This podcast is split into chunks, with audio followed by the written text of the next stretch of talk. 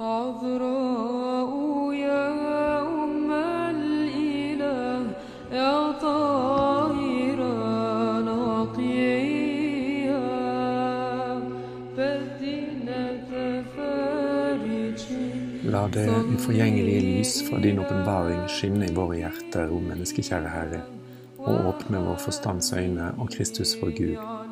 Måtte du opplyse våre sinn når vi leser om dine hellige tjenere, apostler, martyrer og profeter, biskoper, asketer og rettferdige, som fullførte den gode striden og bevarte den sanne troen.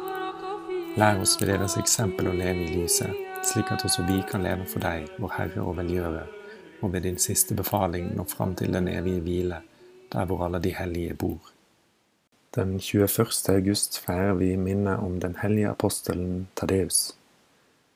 Den hellige apostelen Tadeus, som også ble kalt Lebeus, stammet fra byen Edessa.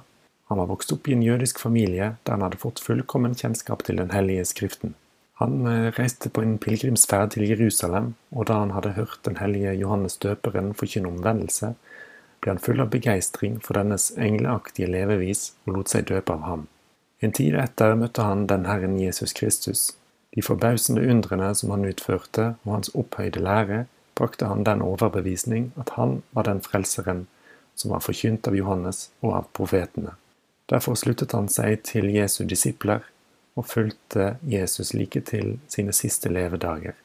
Som svar på det løftet som frelseren hadde gitt kong Apokar, som hadde innbudt ham til å helbrede seg, sendte han etter himmelfarten Tadeus til Edessa for å døpe kongen og fullstendig helbrede ham for hans spedalskhet.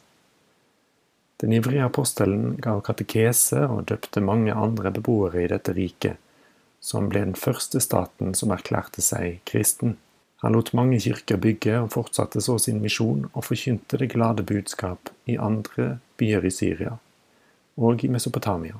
Da han var kommet til Beritus i Fønikia, døpte han der et stort antall hedninger, før han i fred oppgav sin sjel til Gud, og av Hans nåde fikk den tro forvalters lønn. Relikviene av hellige Tadeus ble overført til Konstantinopel i året 337, sammen med relikviene etter apostelen Andreas.